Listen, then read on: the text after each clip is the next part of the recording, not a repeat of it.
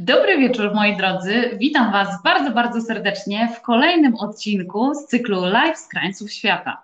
Zdradzę Wam mały sekret. My powoli e, zbliżamy się do niesamowitego święta, jakim będą pierwsze urodziny naszego pierwszego sezonu, bo słuchajcie, jesteśmy z Wami już prawie od roku, ale o szczegółach powiem Wam, kiedy będziemy się zbliżać do tej magicznej daty, ale już niedługo. E, moi drodzy, ja nazywam się Anna Nowotna-Nadziejko i mam przyjemność być gospodarzem tego dzisiejszego wieczoru, na który zapraszam Was bardzo serdecznie. Będzie bardzo ciekawie, będzie magicznie. Obiecuję Wam, e, że poznam Was z wyjątkowymi gośćmi, których przedstawię Wam już za momencik, ale zanim wyruszymy w tą wspólną podróż e, do Azji Wschodniej, moi drodzy, bo właśnie tam Was dzisiaj zabieram, zabieram Was do najludniejszego kraju na świecie, do trzeciego pod względem powierzchni kraju, do Republiki Socjalistycznej. Hmm, brzmi ciekawie. Wy już z pewnością z zapowiedzi wiecie, że e, dzisiaj wybieramy się w kolejną już wirtualną podróż, tym razem do Chin. Tam nas jeszcze, słuchajcie, nie było. Byliśmy już na różnych krańcach świata, ale w Chinach jeszcze nie gościliście razem ze mną. E, chociaż oczywiście część z Was, która mam nadzieję nas ogląda, przypomina sobie nasze wspólne wyprawy, jak to w marcu, dokładnie w marcu, jest taka, taki mój ulubiony klient, z którym mieliśmy okazję podróżować i zwiedzać mur chiński właśnie w marcu. I pamiętam, że wtedy było tak bardzo zimno, że spadł śnieg. My liczyliśmy na to, że będzie troszeczkę cieplej. Na całe szczęście z Pekinu przenieśliśmy się później do Szanghaju kraju i tam pogoda faktycznie już była e, bardzo przyjemna e, i wypoczywało i zwiedzało nam się super. Więc moi drodzy, mam nadzieję, że jesteście gotowi. Koniecznie dajcie znać w komentarzach, kto jest dzisiaj z nami, komu udało się dołączyć na to nasze spotkanie. Jest Ilona, witamy bardzo serdecznie z zimnej chustki. Dobry wieczór Małgosiu, cześć kochana, witam, witam Was moi drodzy bardzo serdecznie. Jest i Sylwia, dobry wieczór, witamy. Jolanta, Olsztyn razem z nami, cześć, witajcie. Ja już dzisiaj, słuchajcie, tak staram się wiosennie, bo podglądałam troszkę prognozę pogody i podobno w przyszłym tygodniu ma już być nieco cieplej, więc y, chcę tak przyciągnąć tą dobrą pogodę, bo bardzo wszyscy jej potrzebujemy. E, wiosna, przyznam Wam się szczerze, że to moja ulubiona pora roku, kiedy życie budzi się, e, kiedy rośliny zaczynają przepięknie kwitnąć, e, nasze nastroje są inne, budzimy się rano, świeci słońce. No, ci z Was, którzy mieszkają gdzieś na południu Europy, a z pewnością część z moich gości e, na dzisiejszym wieczorze właśnie stamtąd jest, to Wy macie to szczęście, że słońce świeci trochę częściej, a my w Polsce czekamy. Zima też jest cudowna. Pozdrawiamy Pomorze, jak fantastycznie, słuchajcie. I jest jest Warszawa, super. Bardzo się cieszymy. Dobry wieczór, Ewa, witaj serdecznie. O, proszę, jest trochę reprezentantów stolicy, co nas bardzo cieszy. Jest i Szczecin, ale ekstra. Słuchajcie, no i Gdańsk, wow, ale się dzisiaj cieszę. No, ale na całe szczęście ktoś z Poznania też jest. Dobra, jest i Ewa ze Szczecina, ale świetnie. No więc, moi drodzy, nie przedłużając, bo wy z pewnością jesteście tu dzisiaj dlatego, że chcecie się dowiedzieć czegoś ciekawego o Chinach postaramy się opowiedzieć Wam o tym, jakie one są naprawdę. No ale czas na to, żeby przedstawić moich gości. Więc moi drodzy, bardzo wyjątkowe małżeństwo, które zrobiło na mnie przeogromne wrażenie ze względu na wiedzę, ze względu na niesamowitą energię, jaka jest między nimi i na tą misję, którą mają w sobie. No więc, moi drodzy, powitajcie bardzo, bardzo serdecznie Dawida i Anię. Dobry wieczór, kochani. Czy wy jesteście z nami? O, wy jesteście więcej niż w dwójkę, widzę, że nawet w trójkę. Witamy, witamy serdecznie. Michał. Dobry wieczór. Ja bym chciała tylko Was przedstawić, bo to, co jest dla mnie absolutnie magiczne, to jest to, że moi drodzy, Dawid oprowadza polskich turystów po Chinach, a Ania oprowadza chińskich turystów po Polsce. Tak słuchajcie, cudownie się dobrali, a wykorzystują cudownie ten czas pandemii i razem robią kurs przewodników po Krakowie. Więc nie próżnujecie w tym czasie, a to, że Ania jest, słuchajcie, bardzo solidną uczennicą, to świadczy o tym fakt, czy ja mogę jedną tą historią się podzielić, bo e, zaraz zadam Wam pytania, ale to jest, słuchajcie, tak niesamowite, bo Ania mówi pięknie po polsku. Ustaliłyśmy już razem, że jest to dość trudny język, ale ona jest niesamowicie zdolna. Aniu, powiedz nam na początek, jak Tobie się udało w ogóle tego polskiego nauczyć? Ach, no to jest już trochę e, historia, no bo no, mieszkam teraz w Polsce prawie 6 lat, możemy mówić, że 5,5 lata, 5,5 rok. No i na samego początku nie mogę mówić po polsku, ale mój teść, teściowa nie tylko mówią po polsku, nie mówią po angielsku, więc to trudno z nim pogadać. No jeżeli mąż nie w domu ciągle wyjecha gdzieś za granicę, no to my siedzimy razem, no nie możemy dogadać sobie. No więc zdecydowałam, że jeżeli chcę bardzo, um, jak mówię, bardzo poznaję e, historii, kulturę, ten kraj w Polsce, no to musiałam opanować ten język. No więc e, na początku poszłam do szkoły. No, chodziłam jakieś indywidualne kursy, bo jestem od zera, takie poziom może mówi. No, a po kilka miesięcy już mogłam chociaż czytać książki w domu, już wiem troszeczkę gramatyki, bo to jest gramatyka tutaj jest bardzo trudne. Kilku miesiącach, słuchajcie. No, bez, bez takie widzę, nie mogłam sama czytać w domu. No więc po kilka miesięcy trochę uczyłam się już tak różne dopełniać, jakieś coś inne, takie gramatyki. No już sama uczy, w większości spędzałam czas w domu. No sama uczyłam język polski, ale oczywiście, że było bardzo ciężko, no musiałam codziennie od rana do wieczora, może tak mówi. No bo mąż nie ma w domu, on wyjechał gdzieś indziej za granicę, ja nie mam coś robić, więc to od rana do wieczora siedzieć jakieś 5, 6, 7 godzin no tylko czyta, uczy, słucha. No na samego początku to dużo muzyki też słuchała, więc to, no więc to tak mi dużo pomaga na ten język. No. Czyli Słuchajcie, no. ja mogę Wam całym przekonaniem mów, mów, mów, mów.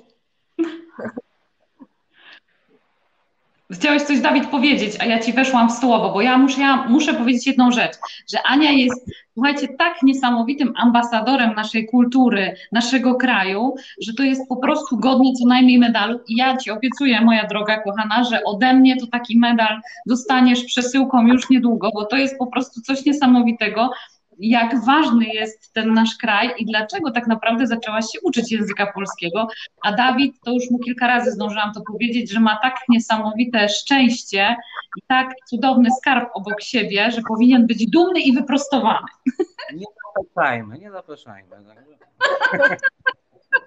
Jesteście cudowni. A powiedzcie jeszcze tylko, zanim przejdziemy do naszej rozmowy o Chinach, wy się poznaliście w Polsce, czy poznaliście się w Chinach? To poznaliśmy w Chinach no bo on prowadzi grupy y, do Chin, a ja pracuję w Chinach kiedyś jak przewodnik po mojej prowincji, Henan prowincji, tam to mamy e, na przykład Shaolin Klasztor, też mamy dużo zabytków, na przykład Lomen Grokto, no więc to tam spotkaliśmy akurat. No. Pięknie, piękna historia. Także no. słuchajcie, jeśli zastanawiacie się, czy warto podróżować i dlaczego podróże są takie magiczne, to macie tutaj piękną odpowiedź. E, słuchajcie, w postaci moich cudownych gości. Ja chciałabym na początek, słuchajcie, zapytać Was o pewne stereotypy i wyobrażenie i postrzeganie Chin. Jak z Waszej perspektywy to wygląda? Mm, które stereotypy pokrywają się z prawdą, a, a które tą, z tą rzeczywistością się zdecydowanie mijają? Dawid mówi. Dlaczego ja? Dawid, teraz masz swoją chwilę. o swoich Chińczykach powiedzieć, o stereotypach. Nie, bo tak naprawdę to ona tak może mniej znać tych stereotypów Natomiast no, ja pracując bardziej z naszymi gośćmi z Polski, no to e, wiem, jakie mają właśnie wyobrażenia na początku, a potem na końcu wycieczki, także więcej mogę na ten temat powiedzieć. Na pewno bardzo są zaskoczeni zazwyczaj tym, że Chiny są tak rozwinięte, tak bogate, że kojarzą się Chiny z tym reżimem. Niektórzy nawet goście mówią na wycieczkach, bo myśmy myśleli, że oni w tych mundurkach będą chodzić, a to wszyscy na luz, tak? Także freestyle, jeśli chodzi o modę i to często nawet no, przewyższają inne narody europejskie, jeśli chodzi o tę zdolność do nadgonienia tendencji mody. Także tutaj kompletne zdziwienie. No, częsty stereotyp to jest to, że właśnie są słabo rozwinięte, że są biedne, a tu no, bardzo bogato. Sama, sama byłaś, to wiesz, że, że tak. to już Chiny zaczynają tak doganiać Japonię, a nie. A, a, a często już no, nie ma. No, no właśnie, nawet Xi Jinping teraz na noworocznym orędziu właśnie ogłosił, że już nie ma żadnego biednego miejsca w Chinach. Oczywiście to jest troszeczkę przesadzone, ale już, że tak powiem, bliższe prawdy niż to, że jest tam wszędzie biedno. To już prawie, że faktycznie tych miejsc biednych nie ma, na siłę trzeba szukać. To jest zdziwienie, że jest bogato. E, to jest to chyba takie najbardziej. No taki stereotyp, że Chińczycy są pracowici, no to akurat się zgadza, tak? Także mhm. są pracowici, dlatego właśnie są bogaci, bo są pracowici. Tak jak właśnie to, że Ania mówi świetnie po polsku, to właśnie z tego względu, że 5-7 godzin dziennie się uczyła, a nie dlatego, że jakiś ma dar niesamowity, tylko po prostu trzeba siedzieć i się uczyć. No, ale dzięki temu w rok, jak sami opowiadaliście mi, udało jej się opanować, udało ci się, moja droga, opanować bardzo trudny język, więc ja jestem pod ogromnym wrażeniem. E, no, ale wracając jeszcze do tych stereotypów. E, słuchajcie, mm, a jacy Chińczycy są dla turystów? Jak, jakie wy mieliście doświadczenia? E, ja mam chętnie się z wami podzielę też swoimi, ale jestem ciekawa, ponieważ mam tu specjalistów od Chin, więc chciałabym Wam zadać to pytanie. No, Ania powiedz.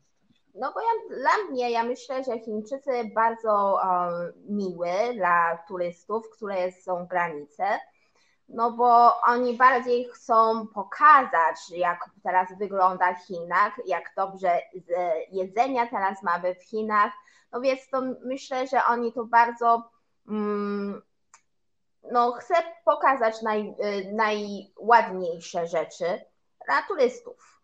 No więc miły są, no, przyjaźni są. No. No, naj, najśmieszniejszym takim elementem, pewnie to miałaś na myśli, jest to, że bardzo często grupy chińskich turystów nie zwracają uwagi na zabytki te chińskie, tylko zwracają uwagę na grupy zdjęcia. zagraniczne i robią sobie namiętnie z nimi zdjęcia, w szczególności jak jest to jakiś, jakaś młoda, mała dziewczynka z blond włosami albo mały chłopiec z blond włosami, to już, to już w ogóle. To ja albo, albo mój drogi, jakiś wysoki mężczyzna, to też ci tak. Tak, jest dużo, dużo takie kobiety, a takie no. No i to jest dlatego, że oni chcą się pochwalić na tych mediach społecznościowych, tych swoich chińskich, innym swoim znajomym, że byłem w Pekinie, w Szanghaju, spotkałem takiego obcokrajowca. No. To jest dla nich e, element taki do dumy. E, no Chińczycy może nie, są, nie sprawiają takich wrażeń otwartych, jak to na przykład w innych krajach e, azjatyckich, jak na przykład w Tajlandii, ale to jest bardziej związane z tym, że oni mają duże kompleksy, nie mówią po angielsku dobrze, dlatego też nie... No właśnie, to jest też takie moje pytanie, które mam oczywiście do Was, jadąc do Chin, no właśnie, na, na co się trzeba przygotować, bo z jednej strony podróżując chcemy mieć kontakt z lokalną kulturą, ale teraz właśnie, w jakim języku ewentualnie możemy się porozumiewać, jak to zrobić, robić. No i czy w ogóle podróżowanie po Chinach bez znajomości chińskiego jest możliwe? No jest ciężko właśnie. Trzeba no. znać chiński, żeby no, się powiedz, wiesz, poruszać. jest ciężko. E, no, jak się trafi na przykład na, na młode osoby, które też, e, też e, wiedzą o tym, że słabo ten angielski znają, bo to jest ten, ten element, że w Chinach uczą często tak tylko z podręczników tego angielskiego i to osoby, które też się uczyły z podręczników, także to jakby mhm. kolejne przechodzi na, na kolejne pokolenie i oni nie są pewni swoich umiejętności, nawet ci młodzi, którzy się uczą w tych szkołach angielskiego, ale taki młodego, młodą osobę spotkamy e, e, to mówimy nawet takich do czterdziestki, załóżmy, że to już jeszcze młodzi, nawet do 50. No to przecież młodzi. Mówimy o takim pokoleniu, które już dobrze operuje właśnie smartfonami i innymi, to oni bardzo, bardzo szybko będą się przełączać na te swoje translatory, które mają w telefonach i będą próbować tłumaczyć. Jeżeli sami nie są pewni swoich umiejętności w angielskim, to będą próbować jakoś nam pomóc, dogadać się, no ale no to trzeba, tak mówię też, dobrze z tym operować. To za, nie zawsze też te translatory dobrze tłumaczą.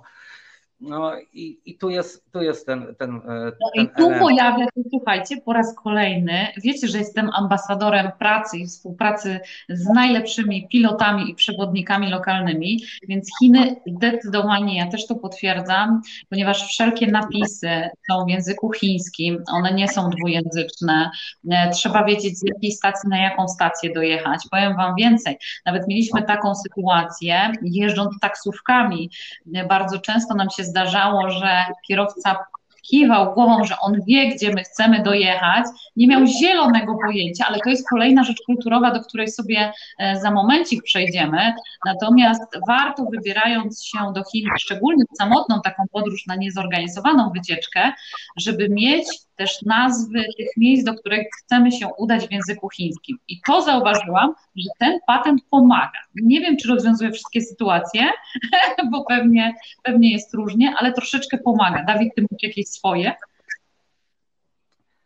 No, podróżowanie indywidualne jest faktycznie ciężkie, tak jak mówisz, bo te największe miejscowości, najbardziej takie międzynarodowe, typu mm. Pekin, Szanghaj czy Kanton, to tam jeszcze dwujęzyczne jakieś oznaczenia mogą być, ale jak się faktycznie pojedzie już do innych miejscowości, to nawet, nawet nazwy hotelu nie będzie typu hotel, tylko będą jakieś znaczki chińskie, także dworzec autobusowy, dworzec kolejowy też będzie tylko po chińsku, także trzeba byłoby faktycznie przygotować się, nauczyć tak, się tak, tak. podstawowych słów, zapisać sobie różne znaki. No, trzeba by było kilka tygodni się przygotowywać, żeby jechać. Także lepiej no dobra, to ty teraz powiedz taką rzecz. Twoja, twoja żona wykonała duży wysiłek, żeby się nauczyć polskiego, a ty umiesz troszkę chiński? Nie, na razie nie mam czasu. Widzisz, kochana, jak to jest? My zawsze kobiety to po prostu się zmobilizujemy, a panowie nie mają czasu. No niesamowite to jest. Ale dobra, zostawimy to, zostawimy to, kochani. Chciałabym zapytać Was, ponieważ wielu z naszych gości z pewnością jest dzisiaj z nami dlatego, że chciałoby się dowiedzieć, co ciekawego można zobaczyć w Chinach. Co Chiny mają do zaoferowania zarówno turystom, jak i też e, mieszkańcom, bo powiedziałam na samym początku, że Chiny są trzecim pod względem powierzchni krajem na świecie, a więc możemy sobie wyobrazić, że przeogromnym. I na pewno to nie jest jeden z tych krajów, moi drodzy, do którego pojedziemy raz, przybijamy pineskę odhaczone. Nie ma takiej opcji. To ja już Wam mówię, nawet nie pytając naszych gości. A nasi goście może niech opowiedzą nam, słuchajcie, Dawid, Aniu, powiedzcie te miejsca, od których polecacie zacząć przygodę z Chinami. A to jest tylko jeden odcinek, tak? Trzeba dużo. Ania najpierw niech powie tak. kilka rzeczy, które uważa za najważniejsze. No najważniejsze na pewno jest chiński mule w Pekinu. A my postaramy się Wam pokazać te miejsca. Jeszcze Aniu, przepraszam, że Ci przerwę, ale mamy dla Was przygotowany mały pokaz e, slajdów i chętnie się z Wami podzielimy i już Wam nie przeszkadzam, już nie przerywam, już się nie odzywam. No mów Ania. No ty mów. Dobrze. No chiński mur na pewno rzecz, która jest podstawowa. I tutaj też od razu bym chciał powiedzieć, bo bardzo często spotykam, bo też prowadzę różne inne grupy w innych krajach, że często słyszę właśnie takie opinie, że no, myśmy chcieli jechać do tych Chin, ale ten chiński mur pokazują w telewizji, że tam są tłumy ludzi. Dobrze, że ty właśnie pokazujesz takie zdjęcia, gdzie nie ma tłumów ludzi. To nie jest do końca tak, że tam są te tłumy ludzi, bo te tłumy ludzi to najczęściej są na takim odcinku, który nazywa się ba, ba, Badaling, który był pierwszym, który sam Mao Tse-tung własnoręcznie nadzorował, odnowił ten fragment i tam tłumy Chińczyków jeżdżą na ten fragment. Ale nie trzeba jechać na ten fragment, można jechać na fragment obok i wtedy się już unika kompletnie te, te tłumy a w szczególności tak jak ja robię i większość też pilotów, których znam, no zazwyczaj robimy też taki patent z chińskim murem, że jedziemy po południu, kiedy to właśnie największa liczba grup, które od razu po wylądowaniu w Pekinu, większość od razu nad ranem chce jechać właśnie na ten chiński mur, wystarczy to przeczekać, poczekać do popołudnia, po obiedzie, wtedy często jest puściutko. Kilka razy to mi się zdarzyło, że, żeby moja grupa była prawie sama na chińskim murze, dlatego też jak ktoś się właśnie obawia, że, że na chińskim murze będzie tłok tłum, tłum będzie w Chinach, w wielu innych miejscach, ale akurat na chińskim murze są patenty, że można to ominąć. E, tu pokazujesz kolejne rzeczy typu terakotowa armia, no to to jest oczywiście bardzo ważna rzecz. Ania by wspomniała właśnie o jedwabiu, także to region na przykład Hangzhou i Suzhou, znany z jedwabiu, o to też się przyjeżdża tam i to jest też ważny jakby też nawet i zabytek dla Chińczyków, bo zabytek dobra to właśnie takiego materialnego. No. No nie wiem, czy ja mam mówić mm, o tych miejscach, co tam skaczesz, bo za szybko skaczesz. Powiedzcie o tych miejscach, od których wasz, które waszym zdaniem warto odwiedzić, a, a ten nasz pokaz będzie sobie tak w tle. Także zupełnie się, e, że tak powiem, mm, nie sugerujmy. Chodzi mi o to, żeby trochę pokazać naszym gościom i widzom, widoki czy klimat, którego mogą się spodziewać, jak e, do tych Chin się wybiorą, bo nam bardzo często właśnie Chiny kojarzą się tylko z takimi tradycyj, tradycyjną zabudową, e, którą w tej chwili widzicie na zdjęciach. Natomiast to jest to, co Dawid powiedziałeś na początku. E, Chiny, szczególnie w dużych miastach, są bardzo nowoczesne i my się spodziewamy, że właśnie zobaczymy tylko takie drewniane domki, e, riksze jeżdżące po, po ulicach, a tu nagle się okazuje, że przyjeżdżamy i jest wow. E, tak, bo tutaj właśnie jest dużo też tych elementów nowoczesności, bo oprócz zabytków tak starych jak właśnie chiński mur, ta gotowa armia, czy e, mamy świątynie też, które mają tam 2000 lat historii, także tego jest oczywiście dużo, to ten e, też efekt wow robi właśnie ten element tej nowej architektury, najwyższe wieżowce, najwyższe wieże, e, najszybsze pociągi i tak dalej. No, ilość tych wieżowców, na przykład w Szanghaju, czy, czy w Kantonie, czy, e, czy właśnie e, w Wuhan chociażby, też ma mnóstwo wieżowców, także to robi na przykład olbrzymie wrażenie i mm, też taka mi się dzisiaj refleksja właśnie taka nasunęła, że o tam widziałem tamę trzech przełomu, to jest też kapitalna rzecz, ciekawe doświadczenie być na takiej konstrukcji, która jest no, najcięższą konstrukcją świata. Tak, to jest niesamowite przedsięwzięcie, także to też robi wrażenie same nawet, nie tyle może widok tej tamy, co doświadczenie tego, także doświadcza się i wracając do dzisiejszej takiej refleksji, którą miałem, że, że tak sobie wspominam, bo to już od ponad roku się nie jeździ nigdzie, że ze wszystkich destynacji, kierunków właśnie e, które prowadzę, to najbardziej mi się tęskni za Chinami. Tak zadałem sobie pytanie właśnie dlaczego. E, a to właśnie dlatego, że za, zawsze mam pewność, że klienci, którzy wracają po wycieczce z Chin, oni zawsze są zadowoleni. To jest tyle tych elementów mm. właśnie, z, y, które Chiny są w stanie pokazać. Y, nie właśnie zabytki, ładne krajobrazy. To zależy też, którą część się Chin wybierze właśnie te elementy tej nowoczesności, przejechać się najszybszym pociągiem świata, wjechać na najwyższy punkt widokowy świata. To też są fajne elementy doświadczenia.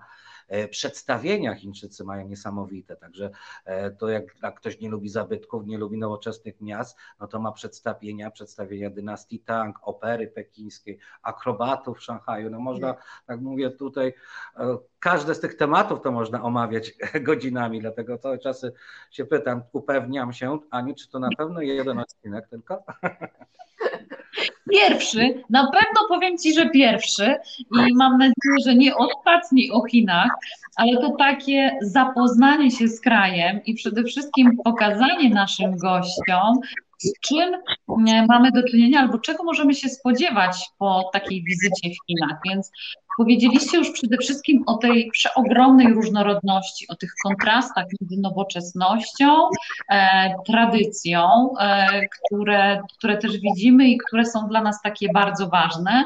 Ale też mam podobne odczucia z moimi grupami turystami, którzy przyjeżdżają i jadą z zupełnie innym nastawieniem. To jest w ogóle też e, takie niesamowite, że w zależności od tego, na co my się nastawimy i to sobie wyobrazimy, to później takie mamy też odczucia. I też mam takie e, dobre doświadczenia e, po powrocie, że ludzie są pod wrażeniem i kuchni, i tego, co widzą, i tego rozmachu przeogromnego. A tak naprawdę w dużej mierze mówi się, że tylko to wszystko będzie zatłoczone, a jednak wielkie metropolie bardzo różnią się od tych mniejszych e, miejscowości. No właśnie, a jakbyście mieli podać tak dla kogoś, kto nigdy jeszcze nie był w Chinach, to od czego powinien zacząć? Na pewno od muru chińskiego, o którym powiedzieliście. No Pekin, Szanghaj. E, Szanghaj jest bardzo nowoczesne miasto.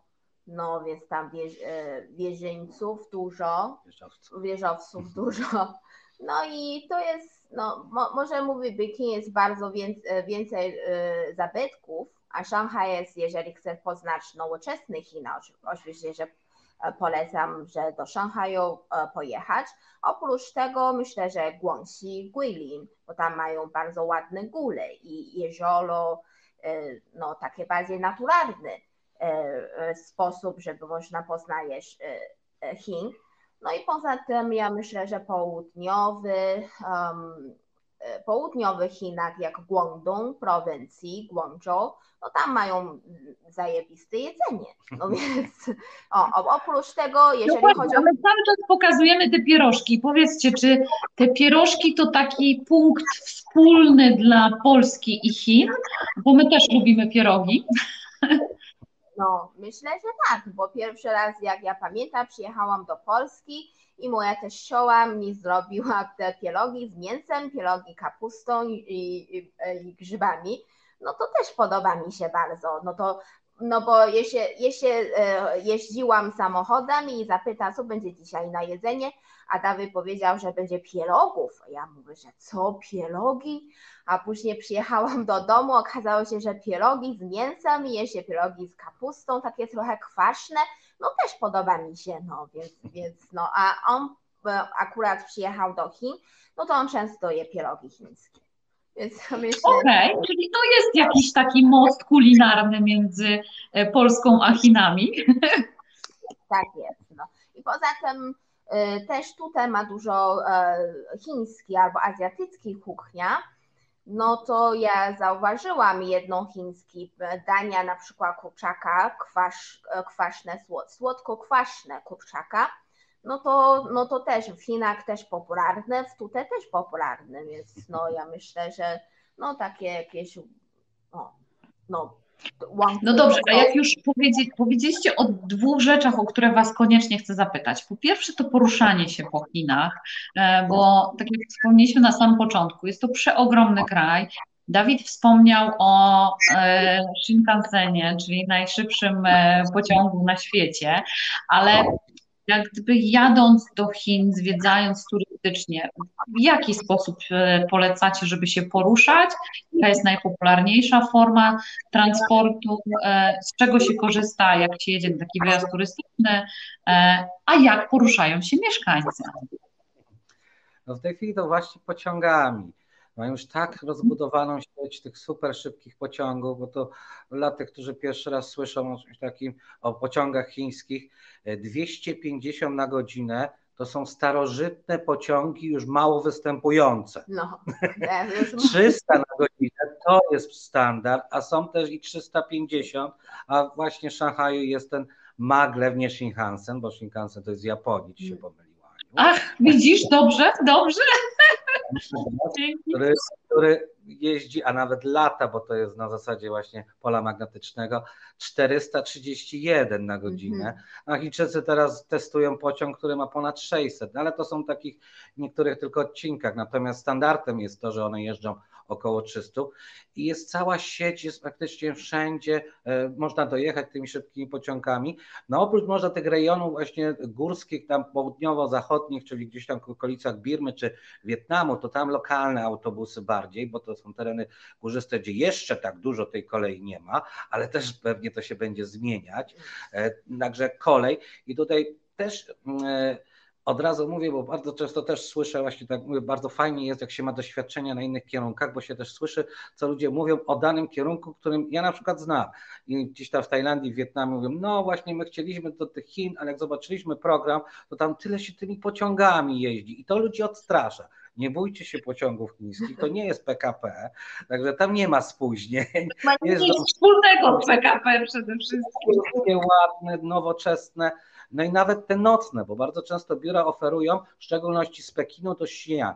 To jest właśnie naj, najłatwiejsza właśnie podróż, to jest właśnie pociągiem nocnym. No wiadomo, to jest też, zaoszczędza się i czas, i pieniądze, bo jest jednak nocleg włożony w pociąg, e, no ale e, e, jest to najczęstsza właśnie droga do, do Xi'an, jest najwięcej tych połączeń nocnym pociągiem. Samolotem to jest ich mniej tych połączeń. Samoloty często ze względu na warunki pogodowe są opóźniane, No, odwoływane, a pociąg to musiałoby jakiś tajfun przechodzić, żeby on został odwołany. Tak łatwo nie odwołują.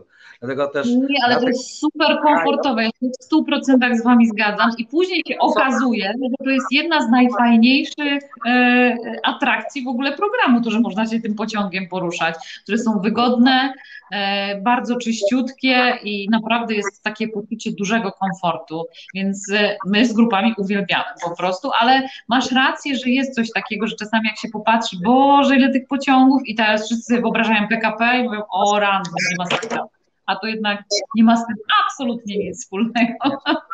No, przeciwnie, to jest fajne doświadczenie. Tak mówię, te nocne pociągi i są wygodne i no jest poziom tam naprawdę wysoki. Tam jest co, co dwa wagony, to jest jedna pani taka ala stewardesa, która się opiekuje tymi wagonami. Jakiś wózek typu Warc jeździ, także nie trzeba jakichś zapasów brać, ani nic. I są bardzo bezpieczne. Pociągi i dworce w Chinach są bardzo bezpieczne, także tu też nie ma żadnych obaw. Tak jak mówię, bardzo często mamy takie złe doświadczenia, czy to z naszych kolei, czy, ale często to są porównywania na przykład do hinduskich kolei. Ktoś tam właśnie mówi, goście mówią, że byśmy byli w Indiach, nigdy więcej pociągiem nie, nie pojedziemy nocnym w szczególności. To jest kompletnie inna rzecz. To jest niebo a ziemia. To są super luksusowe, porządne pociągi i to zawsze trzeba traktować też jako fajną przygodę. Najlepiej pociągami. No, nawet no, normalne mieszkańców, oni też korzystają z pociąg więcej niż teraz autobusem, albo samo jeździć e, e, e, auto, nie autobus, samochód. No bo po co? Bo wszędzie takie kolek, wszędzie pojawi, no wolą, żeby, żeby jeździć pociągiem, na przykład mój rodziców, oni mieszkają takie mniejsze miasteczko, które mają 5 miliony. Tak, tak, to jest małe miasteczko. No, tak, tak. To jest takie małe miasteczko, ale mój dziadek na przykład on, on mieszka w Zhengzhou, czyli to jest stolica Henan prowincji, a od Zhengzhou, to stolica, do mój miasto ma 95 kilometrów. A wcześniej musimy jeździć na przykład na samego początku musimy jeździć autobusem, to kosztuje no, kosztuje jakieś 2,5 godziny na samego początku, później oczywiście trochę szybciej, no to najmniej 2 godziny. Na samochód też jeździć półtora godziny, ale teraz pociąg jeździ tylko 20 minut. I więc to po co my jeździmy samochód i traci tyle czasu i siły, no. Więc teraz nawet normalne mieszkańcy, bo też jakieś dużo ludzi na przykład kupi, kupią miesz, mieszkania w moje miasto, a jeżdżą normalnie codziennie pociągiem i do stolicy, a tam pracują. No tak, kosztuje tylko 20 minut, więc to nic nie, nic nie traci. Mieszkają no. w małej, małej mieścinie 5 milionów i dojeżdżają no. 100 kilometrów prawie do miejsca pracy, czyli 20 minut. No 20 minut, to tak to. To jest piękne, ale uwielbiam to właśnie jak się rozmawia, że jedziemy do małej miejscowości, przygotujcie się, tam tylko 5 milionów ludzi mieszka, to jest cudowne. No tak, no, normalnie gdzie dla oczywiście porównania w naszej stolicy mieszkają 3 miliony osób i to jest największe miasto oczywiście w naszym kraju. Słuchajcie, wspomnieliście też o kwestii bezpieczeństwa, szczególnie przy okazji mówienia o nocnych pociągach. Jak w ogóle wygląda takie życie codzienne w Chinach? Właśnie, czy Chiny są bezpieczne? W jakich regionach się najlepiej żyje? I właśnie, czy lepiej w mieście, czy tak jak wspomnieliście, w mniejszej miejscowości? No, ja według mnie China jest bardzo bezpieczne. No, każde regiony, no ale wiesz, może mówię, że trochę tak południowy, tam Guangdong albo blisko Hongkongu, bo tam jest dużo imigracji, więc to może mówię troszeczkę, no takie, no trzeba uważać, ale inne miasto to jest bardzo bezpieczne. Policja mają jakieś zalogu, no ciągle jeżdżą, no takie, jak mówię, miasto ochrony, taką, monitoring. no monitoring wszędzie. No i jeżeli chodzi o um, jakieś osiedle, no też mają e, monitoring i też, no, i też wszyscy e, znają siebie. No to tak pomaga. Jeżeli kogoś, na przykład sąsiad, zobaczysz, ktoś tam ukradnie, czy co, spróbuje wychodzić do domu, to od, od razu tutaj dzwoni do właściciela i mówi, że o co chodzi, ty jesteś w domu, czy nie jesteś w domu, albo od razu dzwoni do policji. Więc to według mnie to jest, nie ma nie ma co się bać, no wszędzie w Chinach jest bezpieczne, jak ja mówię, że na południowy według mnie Guangdong prowincji, bo tam jest blisko tam Hongkong albo jakieś imigracji z Afryki czy co, jest troszeczkę no takie, ale ogólnie są bardzo bezpieczne w Chinach, nie ma co się bać. No, Chiny starają się być coraz bardziej bezpiecznym krajem, mm. bo to faktycznie może ktoś był kilkanaście czy dwadzieścia lat temu i miał jakieś inne doświadczenia, ale to w przypadku Chin to już jest inna w ogóle epoka, mm. bo bywały miejsca faktycznie, gdzie trzeba było uważać na złodziei, że gdzie nie było w 100% bezpiecznie, ale to było już kilkanaście lat temu. Teraz z roku na rok jest coraz bardziej. Raczej teraz współczesne władze raczej dążą do tego, żeby Chiny były bardziej przypominały Singapur czy Japonię, mhm. żeby z otwartymi plecakami można było tak. chodzić po ulicach. To jest raczej coś, co, do czego właśnie dążą. Także minie pandemia, to już będzie jeszcze dwa razy bezpieczniej niż było rok temu. Tutaj no, mhm. przykłady właśnie, na przykład same podróż właśnie pociągami i dworce. Na dworzec, żeby wejść w Chinach, trzeba mieć dowód imienny, żeby wejść na dworzec. Tak. Dowód imienny. Wszędzie jest monitoring. Tak na przykład ja też gościom mówię, bo, bo pierwszy, pierwszy jest zawsze taki otrup, żeby bagaż odłożyć gdzieś na widoku. Ja mówię, nie musicie na widoku. Ja trzy wagony dalej kładę sobie bagaż, bo tam jest miejsce. Przecież nie ma szans, że ten bagaż ktokolwiek mi ukradł, bo jeżeli tutaj wszędzie jest monitoring, w pociągu, na dworcu, na peronie, a każdy pasażer został zidentyfikowany poprzez kupno biletu i wejście na dworzec, no to mówię, to od, to, to od razu się znajdzie. To jest jeden strzał, także to nikt takiego nie, nie robi takich, takich cyrków, że kradnie bagaż, a potem wie, że zostanie na 100% namierzony. Dlatego można właśnie na dworcach się czuć bezpiecznie. No i ideałem właśnie tym, do czego rząd, rząd chiński dąży, to jest to, żeby właśnie takie bezpieczeństwo i obywateli, i w ogóle przejeżdżających było wszędzie. Jeszcze nie jest idealnie, bo tak jak mówię, są takie miejsca, pewnie też kojarzysz, na przykład chińską dzielnicę w Szanghaju, gdzie dużo złodziejaszków jeszcze występuje. Tam trzeba uważać na torebki, no bo jest duży tłum i tam niedaleko takie osiedle robotnicze, to są różni ludzie, tak? Uczciwi. No tak, ale to we wszystkich miejscach na świecie, tych turystycznych, po prostu trzeba uważać. To, to jak gdyby w Chinach nie jest inaczej, absolutnie. Natomiast też nie jest tak, że przez to, że jest bardzo dużo ludzi, Fajne porównanie a propos Indii, bo trochę niektórzy właśnie mają takie doświadczenie. Zależy oczywiście, jak te Indie e, oglądają i zwiedzają. Ja Was zachęcam do tego, żebyście co jakiś czas rzucili okiem na te pomysły i projekty, które są u nas na stronie internetowej, między innymi taki projekt na majówkę do Indii, bo są takie miejsca na świecie, które trzeba wiedzieć, w jaki sposób e, odkrywać i poznawać. No i dobrze mieć do tego e, doświadczonych przewodników. Ja jestem jeszcze ciekawa, ponieważ wiem, wiem, że to jest jedna z Twoich, to jest taki Twój konik, czyli religia. Bo mm, jak to w ogóle wygląda w Chinach e, z tą religią? E, co, co, co Chińczycy wyznają i jak my możemy to zrozumieć, ponieważ no, religia jest też częścią kultury. Mm, a wy, wyjeżdżając do różnych miejsc na świecie, Chiny są jednym z takich, które są dużym wyzwaniem, zarówno dla pilotów, przewodników, do tego, żeby turystów wprowadzić w kulturę, w klimat i jak gdyby w część historii. E, no i jak to jest z tą religią w Chinach? Znaczy, e, religia w Chinach. Kolejny duży temat, ja wiem. Ale tak uogólniając to, większość wyznaje Boga pieniędzy, tak to się pokazuje w Chinach. Pieniędzy. To jest Bóg pieniędzy, jest najważniejszym bóstwem. E, Chiny w większości są ateistyczne, ale to nie jest też efekt e, władz komunistycznych. Cesarze bardzo często już zwalczali wszelkie jakieś przejawy mm. religijności, stąd mamy właśnie te świątynie gdzieś tam, które tysiąc czy dwa tysiące lat temu uciekały gdzieś w góry, bo chciały się schować przed właśnie władzami cesarza. Tak powstał no. klasztor Shaolin, że oni uciekali nie przed komunistami dwa tysiące lat temu, tylko przed cesarzem. Tam się chcieli, no prawie e, półtora tysiąca lat temu w przypadku Shaolin. E, tak więc e, tu jest jakby tradycja, gdzie większość jest ateistyczna.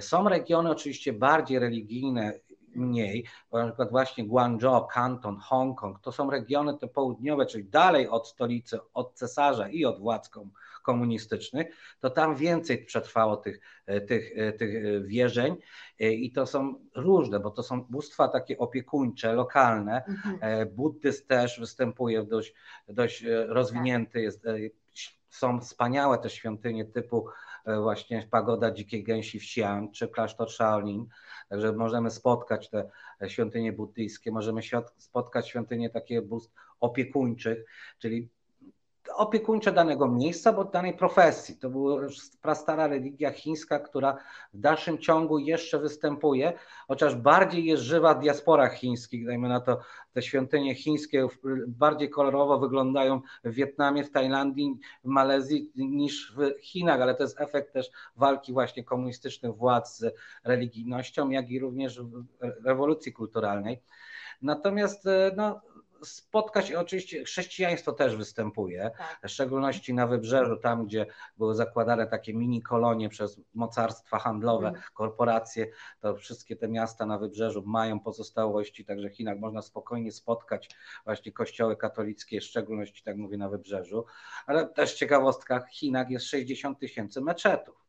To mało kto sobie utożsamia z tym, że Chiny są krajem muzułmańskim, są regiony muzułmańskie. Hmm. Także jedną z największych atrakcji Chin, na przykład właśnie Xi'an, e, wielki meczet, wielki meczet e, muzułmański, e, bo w Chinach mamy dwie autonomie, które są właśnie muzułmańskie. To są Huini, czyli Nixia i Xianqian, czyli Ujgurzy. Hmm. Także nie jest ich procentowo dużo, ale ale są, występują no, też tak. i muzułmanie na terenie Chin, 56 grup etnicznych. No. Także różnorodność jest religijna. Większość, tak jak mówię, to ateiści, znaczy się wierzą w. Boga pieniędzy, ale, ale też i chrześcijanów się spotka, i muzułmanów, i świątynie buddyjskie, i świątynie te opiekuńcze, no świątynie dla cesarza, to była jakby też nawet osobna religia, taoistyczne Także jest ciekawe. E, tu właśnie też powiedziałaś o tym, że jest problem właśnie dla pilotów czy dla oprowadzających właśnie z tymi religiami w Chinach, bo jest też jeden taki element, który właśnie e, wprowadza w błąd, bo władze na przykład często starają się połączyć te wszystkie religie w jednym i tak jakby z premedytacją do świątyni buddyjskiej wrzucają elementy innych religii, żeby zrobić taki miszmasz w głowie, że odwiedzający mówi, a to wszystko nie ma sensu przecież. No tak, tak ma być wniosek, religia nie ma sensu. Także to trzeba bardzo dobrze właśnie umieć tym operować, znać się na symbolach taoistycznych, hinduistycznych, buddyjskich, żeby mówić, że umieć odróżnić, że w tej świątyni to nie powinno tu stać. Także, bo jest taki przykład na właśnie w Szanghaju świątyni, gdzie jest świątynia buddyjska, gdzie sama e, nauka buddyjska mówi, że jest nauką, że nie ma Boga, świat jest odwieczny, a tutaj stoi posążek Boga materii z, z, Indii, czyli Brahmy. Tak, Boga, który stworzył materię, czyli kompletnie to się w ogóle nie, nie powinno łączyć, no ale to jest mhm. element żeby właśnie łączyć różne wierzenia w jedną jakąś świątynię, żeby taki miszmasz. Pilotom to sprawia problem, bo trzeba być naprawdę bardzo biegłym, żeby umieć to oddzielić i powiedzieć, że tu jest faktycznie ta świątynia buddyjska, a tutaj ktoś sobie to postawił i to akurat nie, nie łączy się z tym. E, no, no, potrafi to być, słuchajcie, e, wprowadzać pewne zamieszanie, ale to też jest właśnie e, część kultury, o której Ty wspomniałeś i, i część pewnej ideologii, która którą starają się władze nie tylko turystom, ale i też przecież mieszkańcom e, przedstawić. Słuchajcie, ja myślę, że to jest świetny moment na to, żeby naszych widzów troszeczkę aktywować do działania, bo my tak sobie możemy bardzo długo i my jeszcze obiecujemy Wam powiedzieć o wielu ciekawych rzeczach, ale to jest dobry moment, żebyśmy zadali pytanie konkursowe, bo jakiś czas już w naszych live'ach tych konkursów nie było. Ja mam, słuchajcie, jeszcze na te długie, chłodne wieczory dla Was taką propozycję, mapę zdrawkę. Oczywiście Chiny na tej mapie też są jak najbardziej, a Dawid przygotował dla Was takie bardzo ciekawe pytanie z Anią. Moi drodzy. A czy ja dostanę taką mapkę za to, że zadam pytanie? Oczywiście. Oczywiście jutro do ciebie, jutro do ciebie leci. Przekonałaś. E, pytanie, pytanie takie, E, często zadaję też właśnie moim gościom, największe mauzoleum, czyli grobowiec, największe mauzoleum świata. Podpowiedź, jesteśmy w Chinach, także od razu, żeby było łatwiej. Miejsce znajduje się w Chinach. Co to jest i gdzie jest?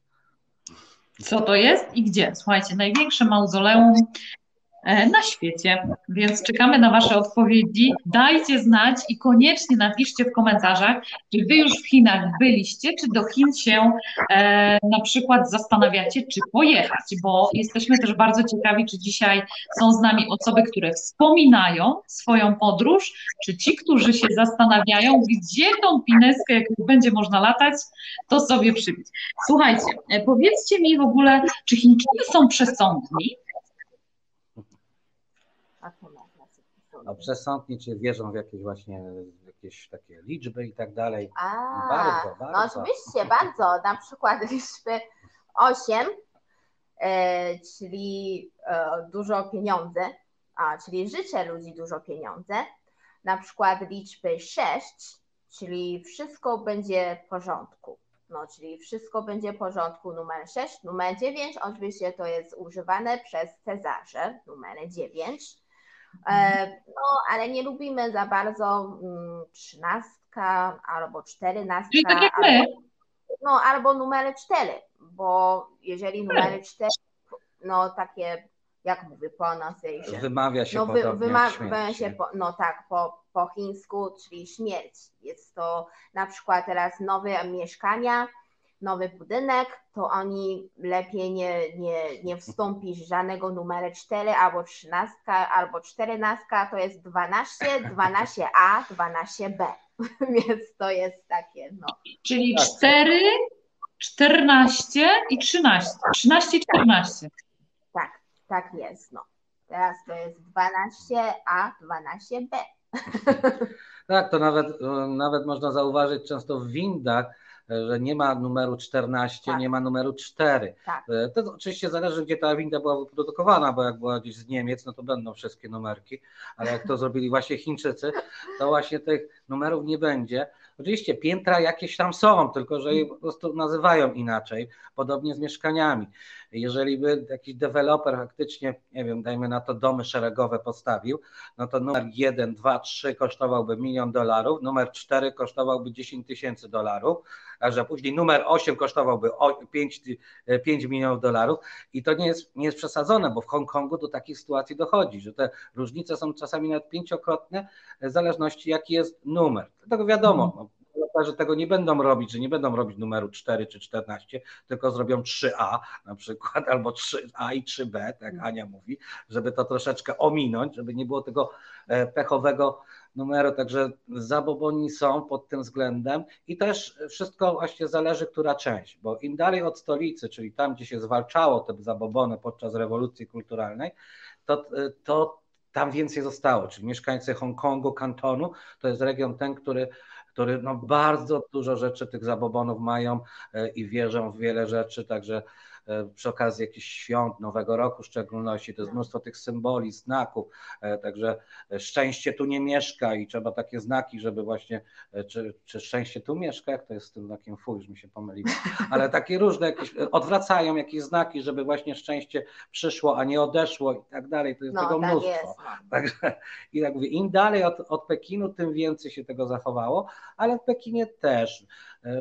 E, Ba, nawet są takie kalendarze, e, gdzie to oczywiście młode pokolenie, że jakieś tam w Szanghaju, to w to nie wierzy, ale zawsze się znajdzie jakaś ciotka czy jakaś babcia, która ma ten kalendarz i dajmy na to młoda para sobie wyznaczy sobie datę ślubu 18 maja, a No. babcia pokaże, że w kalendarzu wróżbitów 18 maja nie jest dobrym dniem na, Tak. na, na ślub, tylko 21. Tak. Jest cały miesiąc wypisanych rzeczy, które są dobre bądź złe. No. Czyli na przykład pierwszy dzień to jest dobry na podróżowanie, drugi dzień to jest zły na podróżowanie, trzeci dzień dobry na odwiedzenie rodziny, czwarty zły na odwiedzenie rodziny i w każdym kalendarzu będzie jeden Ale dzień słuchajcie, dobry. czy to ma jakieś logiczne wytłumaczenie?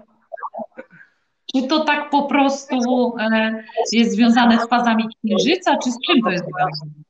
Nie, to astrologia i to wróżbici to jest prastara w ogóle y, chińska tradycja, dlatego są takie stowarzyszenia tych właśnie wróżbitów, astrologów, którzy, e, którzy oczywiście to obliczają, biorą, tą- to, to, to już jest wyższa filozofia, ale, ale są takie właśnie i, e, i jakieś to ma wytłumaczenie. Bardzo często jest to związane z brzmieniem albo z, samym znakiem, bo w Chinach nie mamy alfabetu, tylko jest pismo.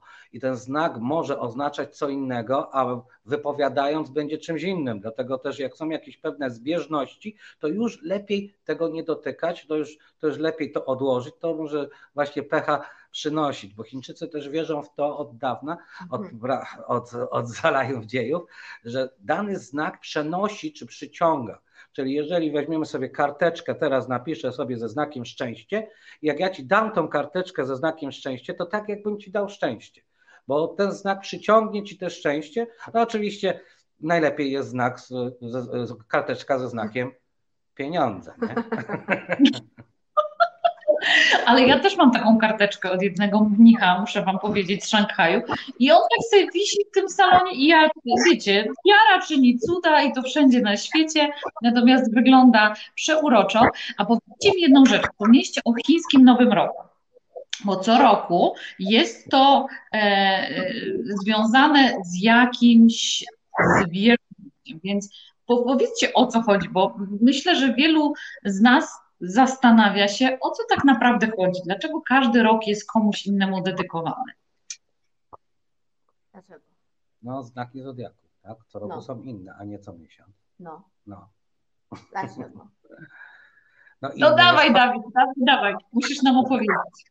No, to, to jest oczywiście związane z tym, że no mamy inny ten horoskop. Jest też 12 znaków zodiaku, tylko że znaki zmieniają się co rok, a nie co Mhm. miesiąc, tak jak u nas. I teraz mamy jaki rok? Teraz mamy klowa. Znaczy bawu, krowa, Bawu. bo to, to różnie, różnie na, nazywają. I on będzie przez 12 miesięcy. Także tutaj i też jest przypisane dużo rzeczy właśnie do tych znaków zodiaków, tak jak był, był rok świni, to Nie był rok, to jest y, mysz. Rok temu to jest mysz. Dwa lata temu to świnia. no, dwa lata No temu właśnie w Chinach też ludzi, też ludzi tak oni mówią, że e, jeżeli dziecko, które urodzi na rok świnia, no to czyli bardzo dużo szczęścia dla dziecka, bo świnia całe życie nie brakło jedzenia. Więc to, Zawsze jest szczęśliwa, tłusta No szczęśliwa, tak, czyli bogata. no więc to dla Chińczycy oni tak lubią, że y, y, urodzi na przykład dziecko, które jest rok świnia, które jest rok smok, który jest rok tygrys, no to, albo które jest rok małpa, bo małpa jest, e, jest bardzo mądry, więc to no, no. sprytny i mądry, to u nas też Jak już trochę, trochę taka kukuna. ja chciałem No już teraz, moi drodzy, wiecie coś więcej.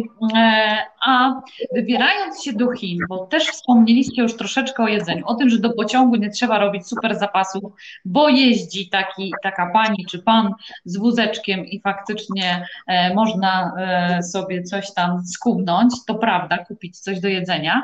E, Na czym przede wszystkim opiera się kuchnia i czego możemy się spodziewać? E, po wizycie w restauracji i, i w jaki sposób w ogóle je się posiłki, bo je się troszeczkę inaczej niż nas.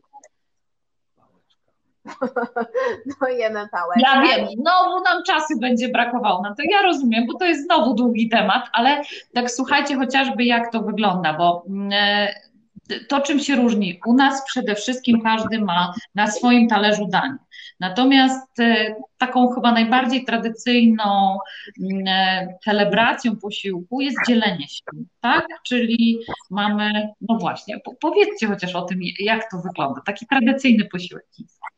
tradycyjny, no to na, na chiński kuchnia, to oni, no teraz jest bardzo popularne u nas e, w każde miasto, mają różne, nie wiem, różne jedzenia z, z różnych prowincji. No my lubimy tak, że zamówimy dużo. O, na przykład ma tylko dwie osoby, a musimy zamówić jakieś cztery dania, albo nawet Tak, sześć dania, jest albo no takie do- musi, musi Do być. podziału, no, a nie pojedyncze. tak, no, wspólnie specjalnie, jeżeli masz gości, oho, ho, no to trzeba jeszcze więcej, no. Oni wolą, żeby zostać to jedzenie, niż wszystko zjedli. Jeżeli gości wszystko zjedli, czyli to nie wystarczy, więc to oni wolą, żeby zostać, żeby miły wygląda, no, no tak jest, ale to, no, no jak mówi, no, no kuchnia, no kuchnia. Nie, tutaj chodzi, e, tu Ani chodziło też o to, że właśnie jest inna formuła, tak? To na to trzeba się przygotować, bo nie każdy sobie z tego zdaje sprawę, że, e, że te dania nie są podawane e, pojedynczo, tylko jest na przykład 10 osób, okrągły stół i tak też jest w grupach turystycznych, dlatego też trzeba się na to nastawić.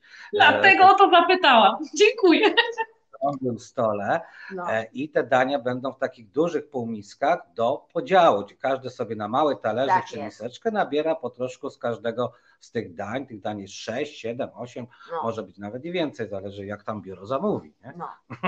A czym jemy? A czym jemy? Koniecznie pałeczkami? No, pałeczkami, pałeczkami. Dobrze jest jednak no, potrenować sobie troszeczkę przed wyjazdem bo to jest tak, że nie każda restauracja będzie miała te widelce dla obcokrajowców. Oczywiście, jak biuro ma jakąś tam e, już no, sprawdzoną restaurację, no to ta restauracja już jest przygotowana na to, że, że przyjeżdżają znowu obcokrajowcy, trzeba znowu wyciągnąć gdzieś tam z szafy te widelce. Natomiast no, mm, czasami się trafi tak, że nie ma miejsca w tej restauracji, albo jest jakieś święto, albo zamknęli tą restaurację i nagle mi się tak zdarzyło kilka razy. Nagle trzeba po prostu wypróbować jakąś nową, której się wcześniej nie jadło. No i pierwsze co zamawiając tam, też się dzwoni, przygotujcie widelce. A ci, co? Jakie widelce? Co to są widelce? Przecież to, to działa też w drugą stronę. Ja to często moim gościom tłumaczę, że przecież w polskich restauracjach nie jest tak, że każda ma w razie czego 50 e, zestawów pałeczek, jakby Chińczycy przyjechali. Nie. Chińskie, wietnamskie mają, ale normalne, tradycyjne mogą nie mieć też w szufladzie w razie czego. I tak samo jest w Chinach, że bywają restauracje, gdzie w razie czego nie ma tego widelca. No właśnie też, czasami zależy jakie jedzenie jesz. No jeżeli jesz hot pota, takie, takie wielki e, kociołek. E, ko, no, takie wielki kociołek i tak no podzielą na dwie części, tu jest takie na zupa ostry, w drugiej części na zupa nie, na przykład pomidory i później musisz moczyć każde mięso albo każde warzywa do środka i później jeść. No więc to tak bardziej pasuje Pałeczka. pałeczkami, a, a niż widelec, nie? Bo widelec będzie tak goląco, że samowity. Tak, no właśnie formuła jedzenia. Dania właśnie są tak często przygotowane, że te pałeczki nawet ułatwiają. No. Bardzo często naszym gościom właśnie się to wydaje, że to jest utrudnienie, że nam tych na przykład widelców nie dali, no jak sobie poradzę.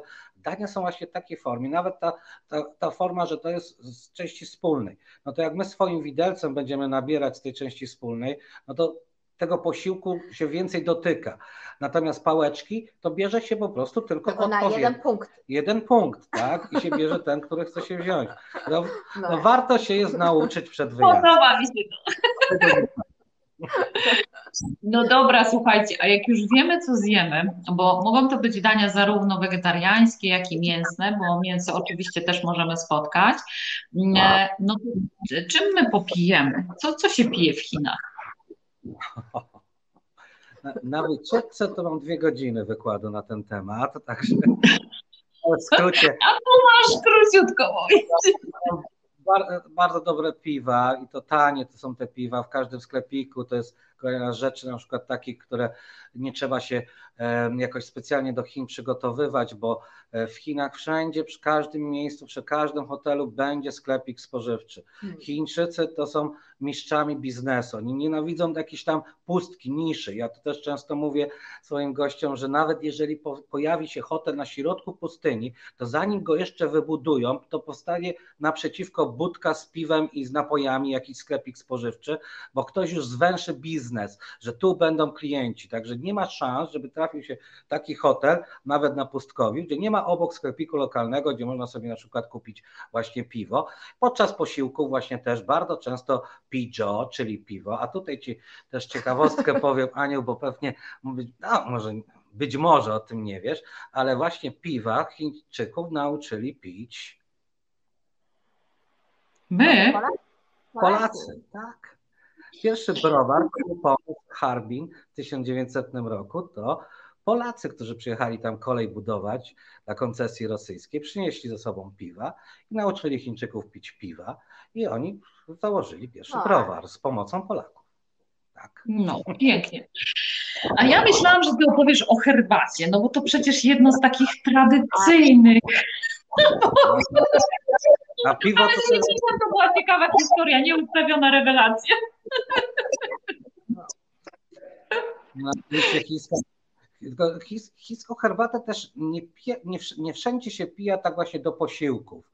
Są Mhm. regiony, gdzie faktycznie, w szczególności właśnie Guangzhou, Kanton, e, Hongkong, to tak, to bywa, że się pija do posiłku. Mm. Natomiast są też regiony, że oni właśnie Na wolny czas. e, No. piją tą herbatę właśnie na szczególny czas, czyli No. właśnie z rodziną. W No. szczególności tą dobrą herbatę, nie marnuje się na jakieś zwykłe popijanie. No. Także to nie, nie wszędzie, bo są tacy, którzy faktycznie noszą sobie w tym termosiku i co chwilę popijają, No. e, ale to, naj, to najczęściej cie- zwykłą ciepłą wodę do, do popijania mają. Natomiast jak macie jakąś dobrą herbatę załatwioną gdzieś tam od kogoś, od wujka, dostaną, e, ktoś dostał w prezencie, to się czeka na specjalną okazję. I zaprasza się wtedy właśnie część rodziny, e, nie całą, no bo to wtedy tej herbaty by brakło, tylko jakąś wybraną, żeby poczęstować ich wspaniałą herbatą. I tutaj w przypadku herbaty, e, no to jest tak, że mm, trzeba na kimś polegać, bo bardzo często mnie goście też się pytają, gdzie tutaj dobrą, pierwszą, pierwszym lepszym miejscu dobrą herbatę kupić. To nie, tak, to nie, tak, nie, tak nie działa. To nie jest e, produkt, który można w pierwszym lepszym miejscu kupić, bo Chińczycy sami zazwyczaj korzystają z polecenia kogoś, e, ktoś im załatwia. E, Ja to zresztą mówię, że w każdej rodzinie jest taki wujek dobra herbata, który on jest specjalistą, on ma wejścia, on Jak tam. wujek. O, no właśnie, no.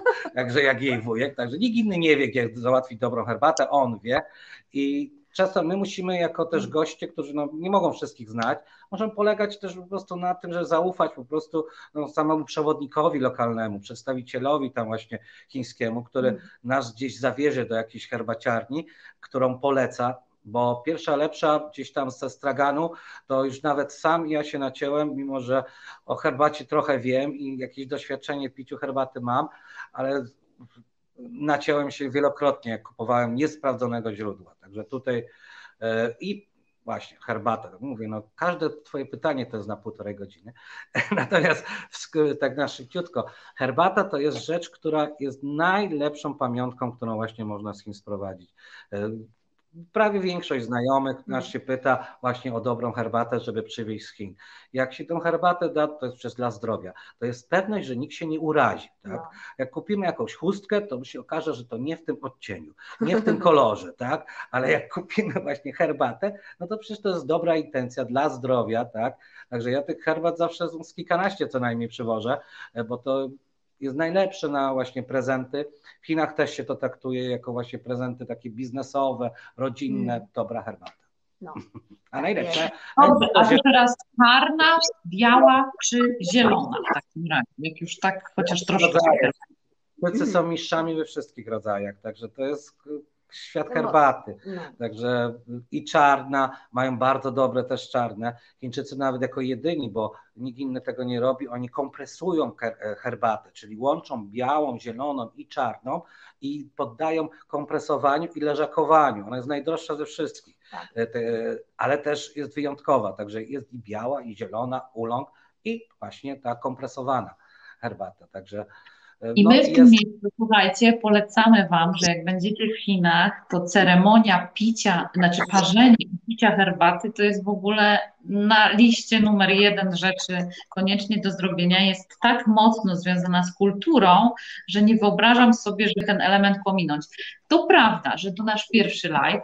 E, Jestem przekonana, że absolutnie nie ostatni, bo my ani o perłach jeszcze nie porozmawialiśmy, ani nie porozmawialiśmy o pewnych zwyczajach, ale słuchajcie, jeszcze coś, co jest takie ciekawe i trochę nas irytujące jako turystów, to jest siorbanie, które się pojawia i plucie.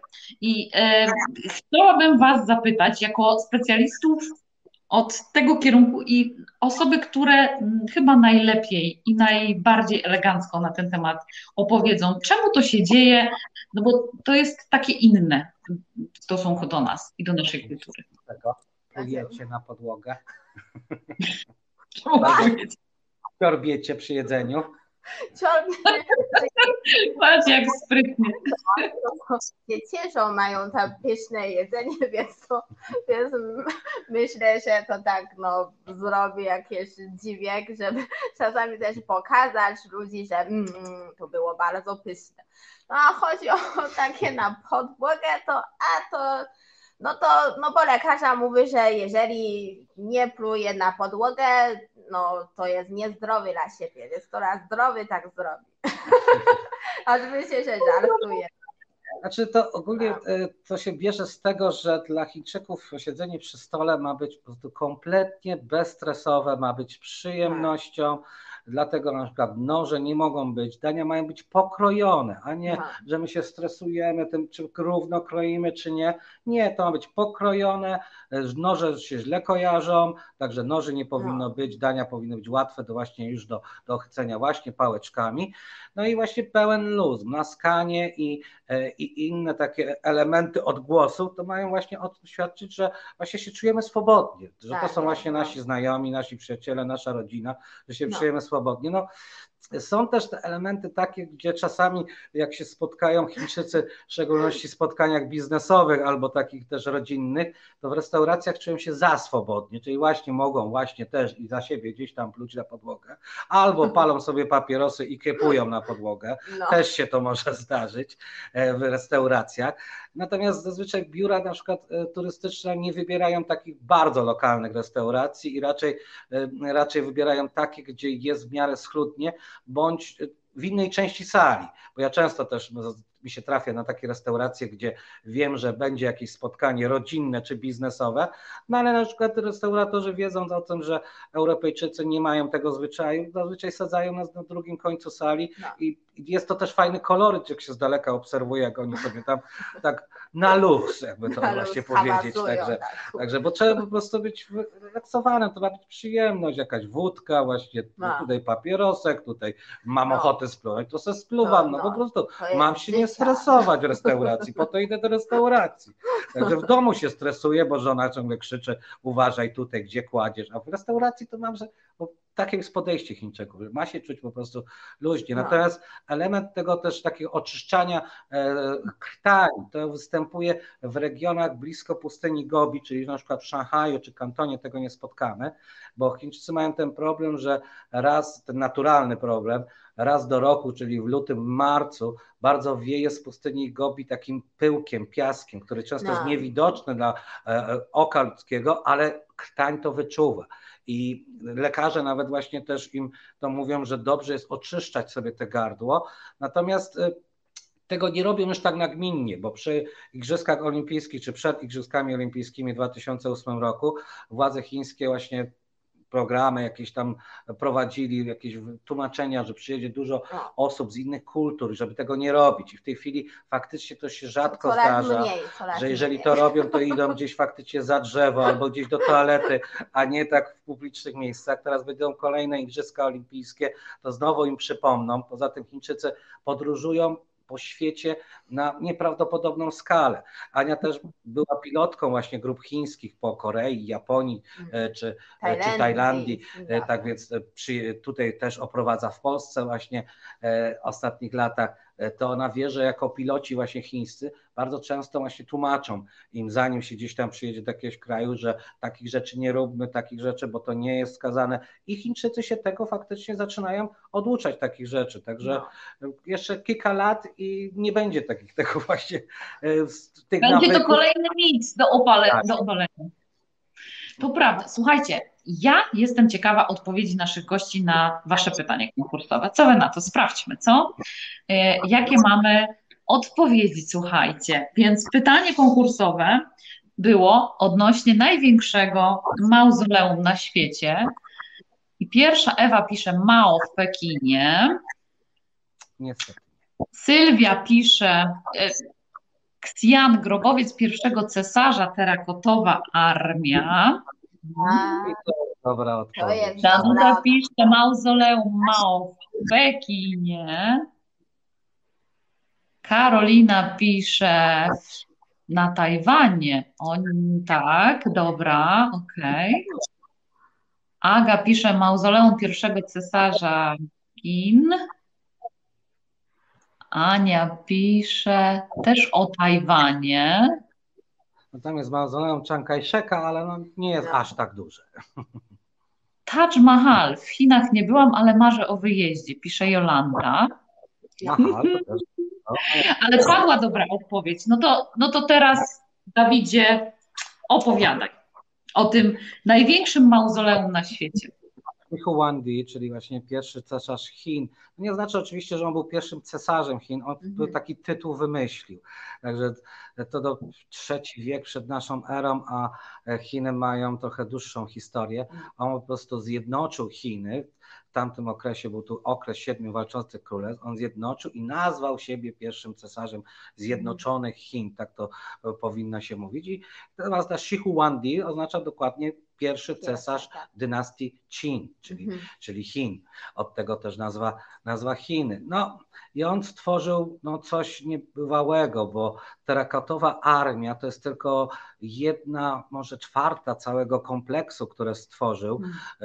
Jest olbrzymia góra, którą czy taki budynek w kształcie piramidy, która jest zasypana i dość długo nie sądzono, że to w ogóle jest jakikolwiek grobowiec, sądzono, że to jest góra, nieopodal właśnie terakotowej armii, bo terakotowa armia to żołnierze nadnaturalnej nawet wysokości, bo tam średnio mają 180 centymetrów, czyli są wyżsi niż wtedy powinni być żołnierze, a czasami nawet jeszcze wyższy. Także około 8 tysięcy żołnierzy z właśnie wypalanej glinki, którzy stoją obok właśnie mauzoleum na zachód od właśnie mauzoleum, żeby chronić cesarza od świata zmarłych.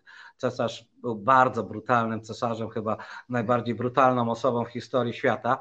Miał wiele swoich ofiar na koncie, dlatego bał się, że po śmierci one się zrewanżują. I tak jak żołnierze żywi mieli go chronić za życia, tak właśnie ich wyobrażenia, symboliczne figurki miały go chronić właśnie po śmierci. Także mauzoleum, jak zbadali teraz współcześnie jakimiś metodami GPS podczerwienią i innymi próbkami nawet gleby, okazuje się, że nie tylko jest piramida tam ponad 100 metrowa mm. nad ziemią, ale też są i podziemia równie wielkie jak to, co jest na zewnątrz. Także na razie tylko jedna czwarta jest odkryta, tylko właśnie żołnierze którzy pilnują tego mauzoleum, reszta jeszcze nie. Także to nie wiadomo, kiedy to odkryją resztę. Wiadomo, że jest obok.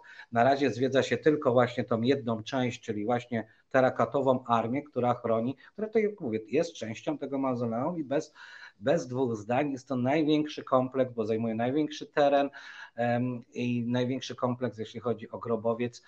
No, e, póki co odnaleziony, bo jeszcze przecież ten, trzeba powiedzieć o historii, że taki mauzoleum został przypadkowo w 1974 roku.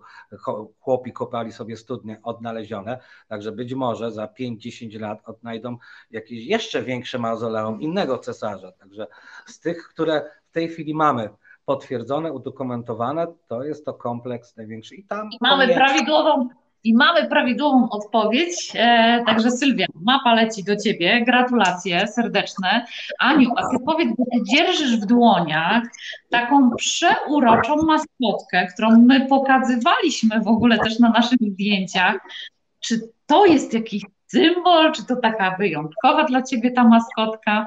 Opowiedz nam, kogo Ty tam masz na kolanach? No to jest chiński panda no bo jakieś pamiątka też Dawid przyniósł z Chin, z Chengdu prowincji. No my też byliśmy tam, bo tam jest specjalny e, instytut, żeby wychowuje mały panda. No i to jest wyjątkowy rzecz, wyjątkowy zwierzęt w Chin. No i też e, e, Chińczycy, a może rząd Chińczycy oni wysyłali różne panda do różnych krajów, żeby pokazać, e, jak mówi friendship, przyjaźń, przy, przy, przy, e, jak mówi? No przyjaźń. No przyjaźń. Okazać jest, przyjaźń. No, więc to też tak bardzo ładnie wygląda, grzeczny, taką śliczny, więc to ja lubię, że trzymam cały czas.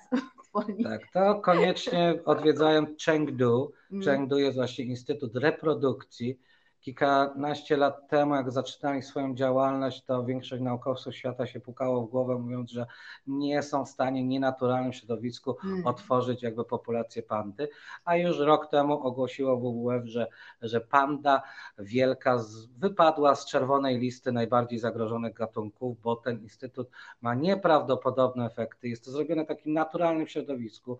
E, super atrakcja, bo można zobaczyć te pandy na wybiegach. Właśnie. malutki. Tak, tam są dwa takie właśnie rozrodcze pawilony, księżycowy i, mm. E, i, e, i słoneczny. Można na przykład właśnie też adoptować pandę, tak w cudzysłowie, dostaje się taki na przykład fajny certyfikat, Certyfikat, tak, no, adoptowania że- pandy. No. To jest bardzo fajna rzecz. Można później śledzić, nawet dostaje się kod taki i śledzi się tą pandę, jak ona się rozwija, czy dostaje jeść, można dalej tam pieniądze przesyłać inter- przez internet. I dostaje się właśnie maskotkę o danym imieniu, bo to jest certyfikat na daną pandę. Ten akurat to jest Bao Bao, także my z Anią śledzimy, co się dzieje z Bao Bao, także czy rośnie sobie zdrowo. Także to jest też super atrakcja, bo wspiera się Instytut, wspiera się endemiczne zwierzęta, które występują tylko w Chinach e, i tylko w prowincji Chengdu, kiedyś jeszcze, e, czyli w Syczuanie, kiedyś jeszcze w Gangsu, ale w tej chwili tylko Syczuan występują te pandy.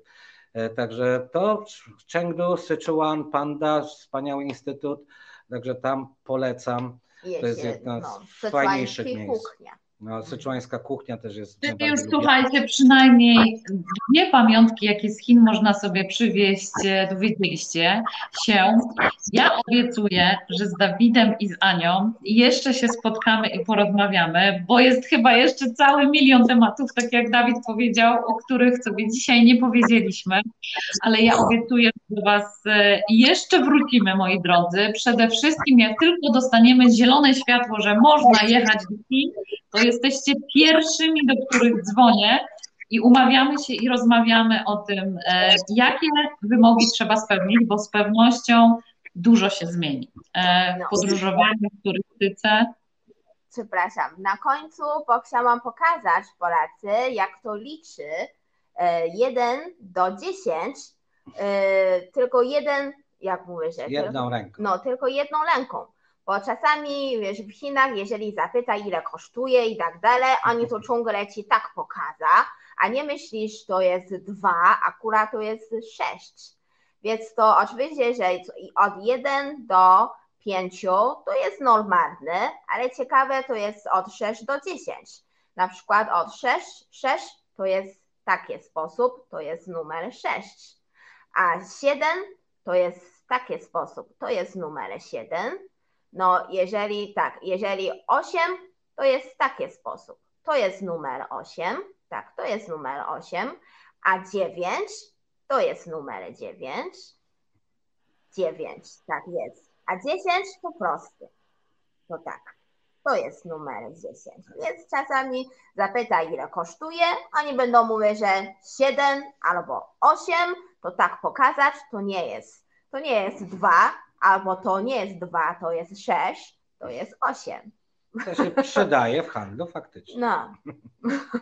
Także zostawiamy Was praktyczną wskazówką, a handel, tak jak e, Dawid wspomniał pokrótce, to jedna z bardzo ważnych umiejętności, wybierając się do Chin, bo nie znam takiej osoby, która nie wróciłaby z wypchaną po brzegi walizką, albo z tych, którzy zostawiają część swoich rzeczy i biorą nowe do walizki. Najlepiej brać do połowy zapakowaną walizkę. Tak. Ze sobą. Taka praktyczna porada od nas dla Was. Słuchajcie, jak jedziecie do Chin, to naprawdę nie zabierajcie za dużo rzeczy, bo z pewnością albo będziecie musieli coś zostawić, albo dokupić dodatkową walizkę. To zawsze dodatkowe koszty, więc tych pamiątek z Chin jest całe mnóstwo. Słuchajcie, i bardzo dużo ciekawych rzeczy można przywieźć. Moi drodzy, ja Wam bardzo serdecznie dziękuję za dzisiejszą rozmowę. Mam nadzieję, że zainteresowaliśmy Was Chinami na tyle, że na następnym spotkaniu z nami będziecie na pewno. Jak widzicie, historii, opowieści i tego jest tak dużo, że w jednej rozmowie nie jesteśmy w stanie się wszystkim z Wami podzielić, ale będziemy opowiadać. Więc jak będziecie się zastanawiać nad Chinami, możecie się do, odezwać do Ani. Na miarę na Anię, oczywiście w zapowiedzi do naszej dzisiejszej rozmowy znajdziecie. Znajdziecie też Dawida na Instagramie, na którym on jest, więc można się z nim skontaktować. Także jak będziecie się wybierać do Chin, to proponujemy skonsultować się z tymi osobami, które trochę więcej wiedzą na temat tego kraju, żeby wrócić właśnie takim oczarowanym, jak my z Dawidem na początku Wam opowiadaliście, my, jak i turyści wracający z wypraw z nami są. Więc jeszcze raz, kochani, bardzo, bardzo serdecznie dziękuję za Wasz czas, spotkanie, niezwykłe historie, a ja, moi drodzy, zapraszam Was za tydzień. Widzimy się we wtorek o 20. Dziękuję serdecznie. Dziękuję, dobranoc wszyscy.